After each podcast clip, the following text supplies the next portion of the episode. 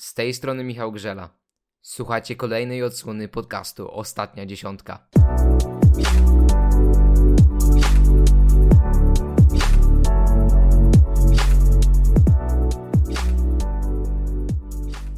Zdecydowana większość sezonu 2020-2021 za nami. W mgnieniu oka dobrnęliśmy do zawodów przez wielu uznawanych za najważniejszy punkt ostatnich miesięcy. Mistrzostwa Świata w Oberstdorfie, bo o nich mowa, miały być teatrem aktorów, którzy swoje aspiracje zgłosili tuż przed rozpoczęciem tegorocznego czempionatu. Skoki narciarskie po raz kolejny udowodniły jednak, że element zaskoczenia jest ich integralną częścią.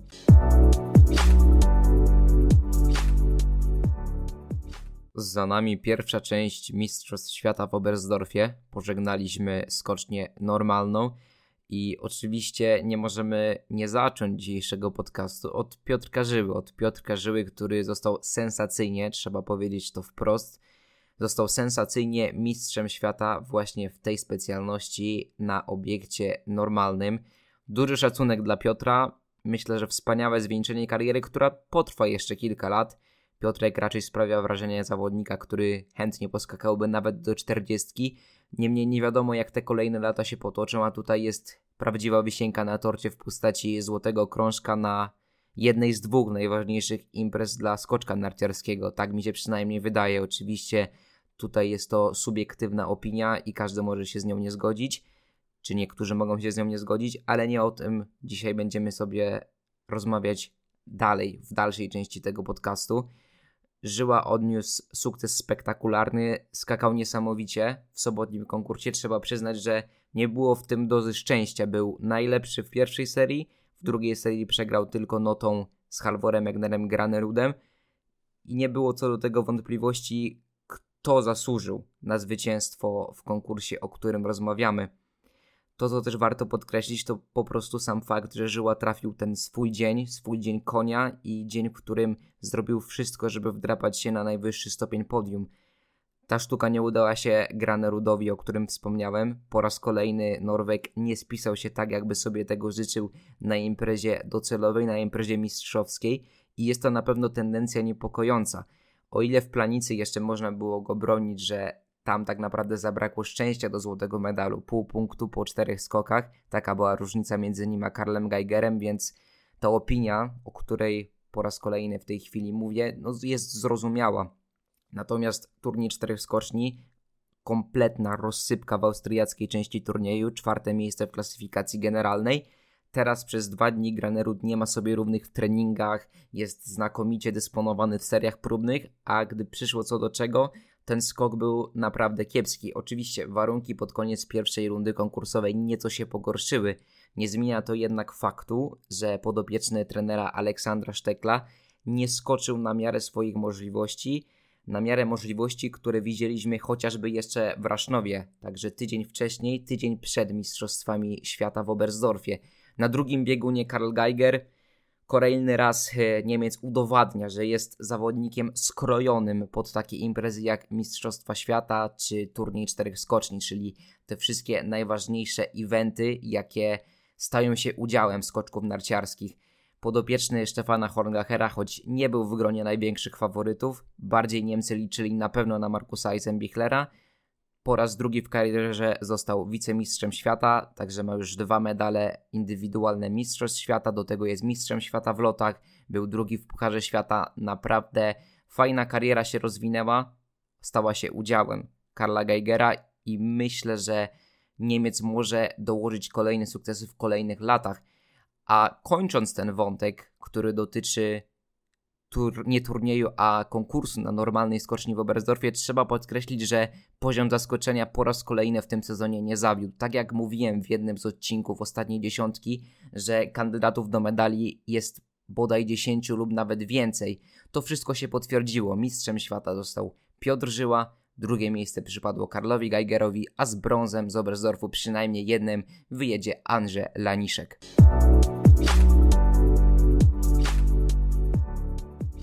Nie ulega wątpliwości, że sukces, sobotni sukces Piotra Żyły był źródłem ogromnej radości w szeregach kibiców.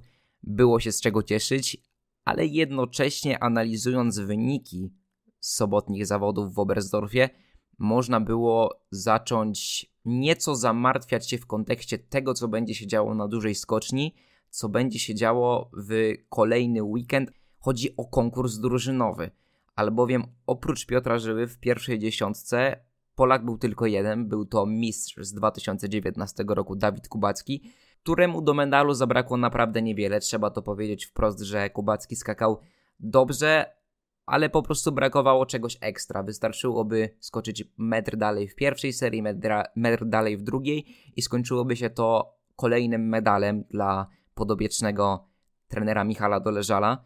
Oczywiście to wszystko jest gdybanie, więc musimy to teraz odłożyć na bok i przejść do Kamila Stocha, do Andrzeja Stękały i do Klemensa Murańki. Jak doskonale pamiętacie, pięciu Polaków stawiło się na starcie w Oberstdorfie w sobotę, co było spowodowane właśnie tym, że w naszych szeregach znajduje się mistrz świata Dawid Kubacki, czy znajdował się mistrz świata Dawid Kubacki. No i cóż, e, Kamil Stoch zawiódł, to na pewno. E, miejsce w trzeciej dziesiątce po naprawdę niezłych treningach, po podium w Rasznowie. Myślę, że niemiła niespodzianka też dla samego Kamila, który rozregulował się z dnia na dzień. Jeszcze w piątek był szósty w kwalifikacjach, szósty w treningu, czy w serii próbnej, to zależy jak, jak tą nomenklaturę przyjmiemy na potrzebę opowieści o Kamilu i jego perypetiach na skoczni normalnej. A w sobotę 94 metry w serii próbnej, 96 w serii pierwszej i taka sama odległość w serii drugiej. Bardzo kiepsko to wyglądało, przede wszystkim nie widać było tego luzu, nie widać było tej możliwości odnalezienia się w tym środowisku, jakie tworzy skocznia normalna. I teraz przed Kamilem bardzo ważne zadanie, żeby odzyskać jak najszybciej rytm na skoczni dłużej. To będzie kluczowe po pierwsze dla konkursu indywidualnego i ewentualnej walki o medal i odkucie. Odkucie się po tym naprawdę kiepskim występie na skoczni normalnej, a po drugie nie możemy zapominać o drużynie. Tam naprawdę Kamil Stok będzie potrzebny, jeśli marzymy nawet o medalu. Trzeba zwrócić uwagę na Słoweńców, na Austriaków, oni skaczą naprawdę nieźle, mogą być zagrożeniem. I to nie jest tak oczywiste jak na przykład w trakcie Igrzysk Olimpijskich w Pjongczang, gdzie medal był po prostu obowiązkiem i był planem minimum. Tutaj planem minimum jest walka o ten medal i dobrze by było go zgarnąć, w mojej opinii. Co dalej? Andrzej Stękała, wiadomo, nie lubi skoczni normalnych, ale też ten występ był naprawdę niepokojący. Wszystkie jego skoki były wręcz niepokojące. 30 miejsce to jeden z gorszych występów, o ile nie najgorszy występ skoczka z Dzianisza urodzonego w Zakopanem od początku sezonu. Z tego co pamiętam, wrócę nie wszedł do drugiej serii i potem ciągiem non-stop znajdował się w czołowej 30 zawodów najwyższej rangi. Także teraz choć mamy się z czego cieszyć, to jednocześnie musimy pamiętać, że trener Michał Doleżal i jego współpracownicy stają przed arcytrudnym zadaniem odbudowania reszty kadry, reszty reprezentacji Polski przed konkursami na skoczni dużej w Oberstdorfie.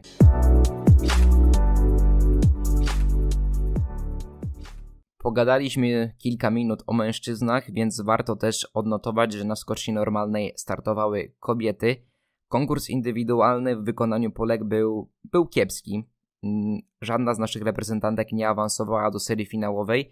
Przede wszystkim było to dość smutne wydarzenie dla Anny Twardosz. E, Ania Twardosz prezentowała się dobrze w treningach, właściwie w każdym była czy to 25, czy 28, w tych okolicach się kręciła i właściwie trudno było sobie wyobrazić drugą serię konkursu bez jej udziału. Niestety najsłabszy skok trafił się właśnie w zawodach, 33 miejsce.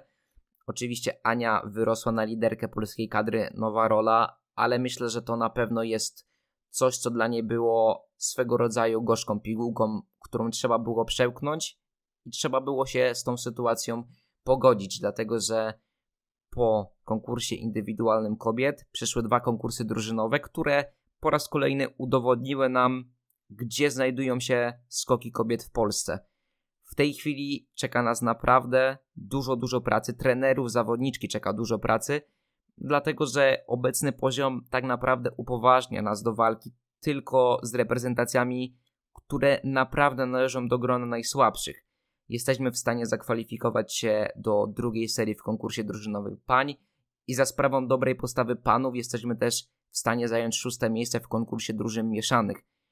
I zastanawiam się, prawdę mówiąc, czy Łukasz Kruczek to jest osoba, która idealnie odnajduje się w tej roli, która została mu przypisana, czyli roli człowieka, który ma właśnie polskie skoki zbudować, nadać im ton i sprawić, że będą funkcjonowały na tyle dobrze, że będziemy w stanie powalczyć chociażby w tym konkursie drużyn mieszanych o coś więcej niż o awans do drugiej kolejki.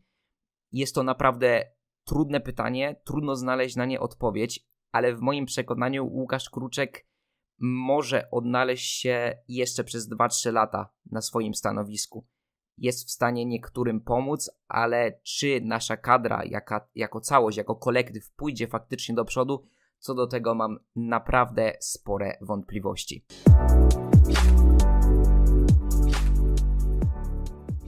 Dzisiejszy odcinek ostatniej dziesiątki, o ile mnie pamięć nie mieli po raz pierwszy w historii, kończymy wątkiem dotyczącym skoków kobiet, ale nie dotyczącym reprezentantek Polski.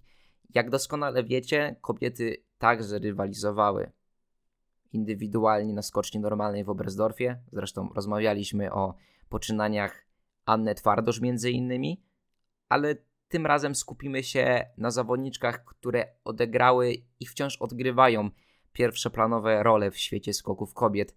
Austriaczka Kramer, Japonka Takanashi i Słowenka Klinec to są trzy główne bohaterki tej części ostatniej dziesiątki.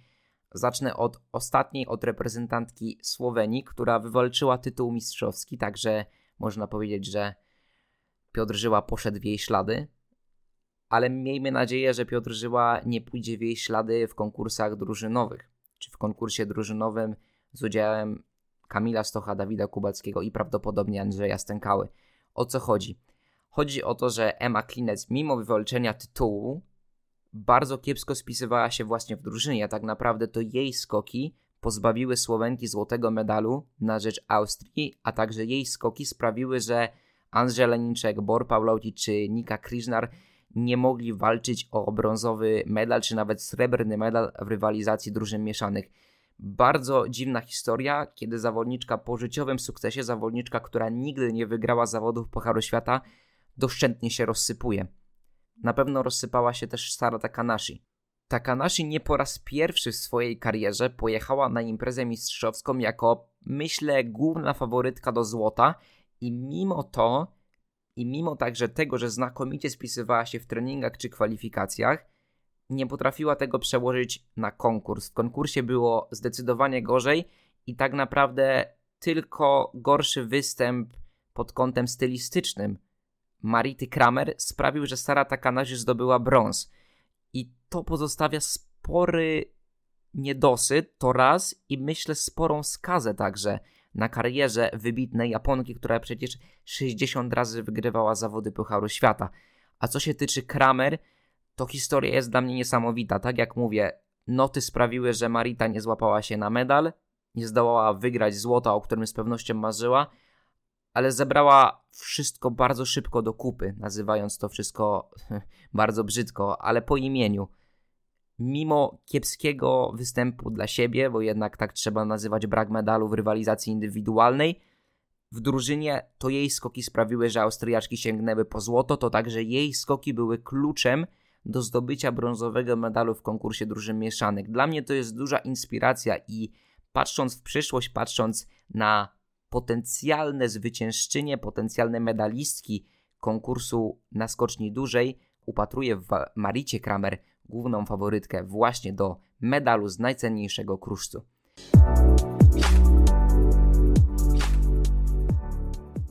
Zanim wciśniecie pauzę i na dobre wyłączycie ten odcinek ostatniej dziesiątki, zostańcie ze mną na dosłownie kilka sekund. Po pierwsze, bardzo dziękuję Wam za wysłuchanie tego podcastu. Nawet nie wiecie, jak wiele znaczy dla mnie fakt, że poświęciliście kilka minut na moją twórczość.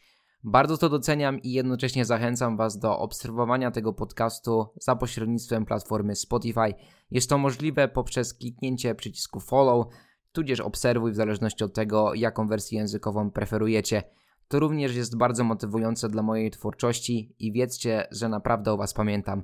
Trzymajcie się, do usłyszenia w następnym tygodniu.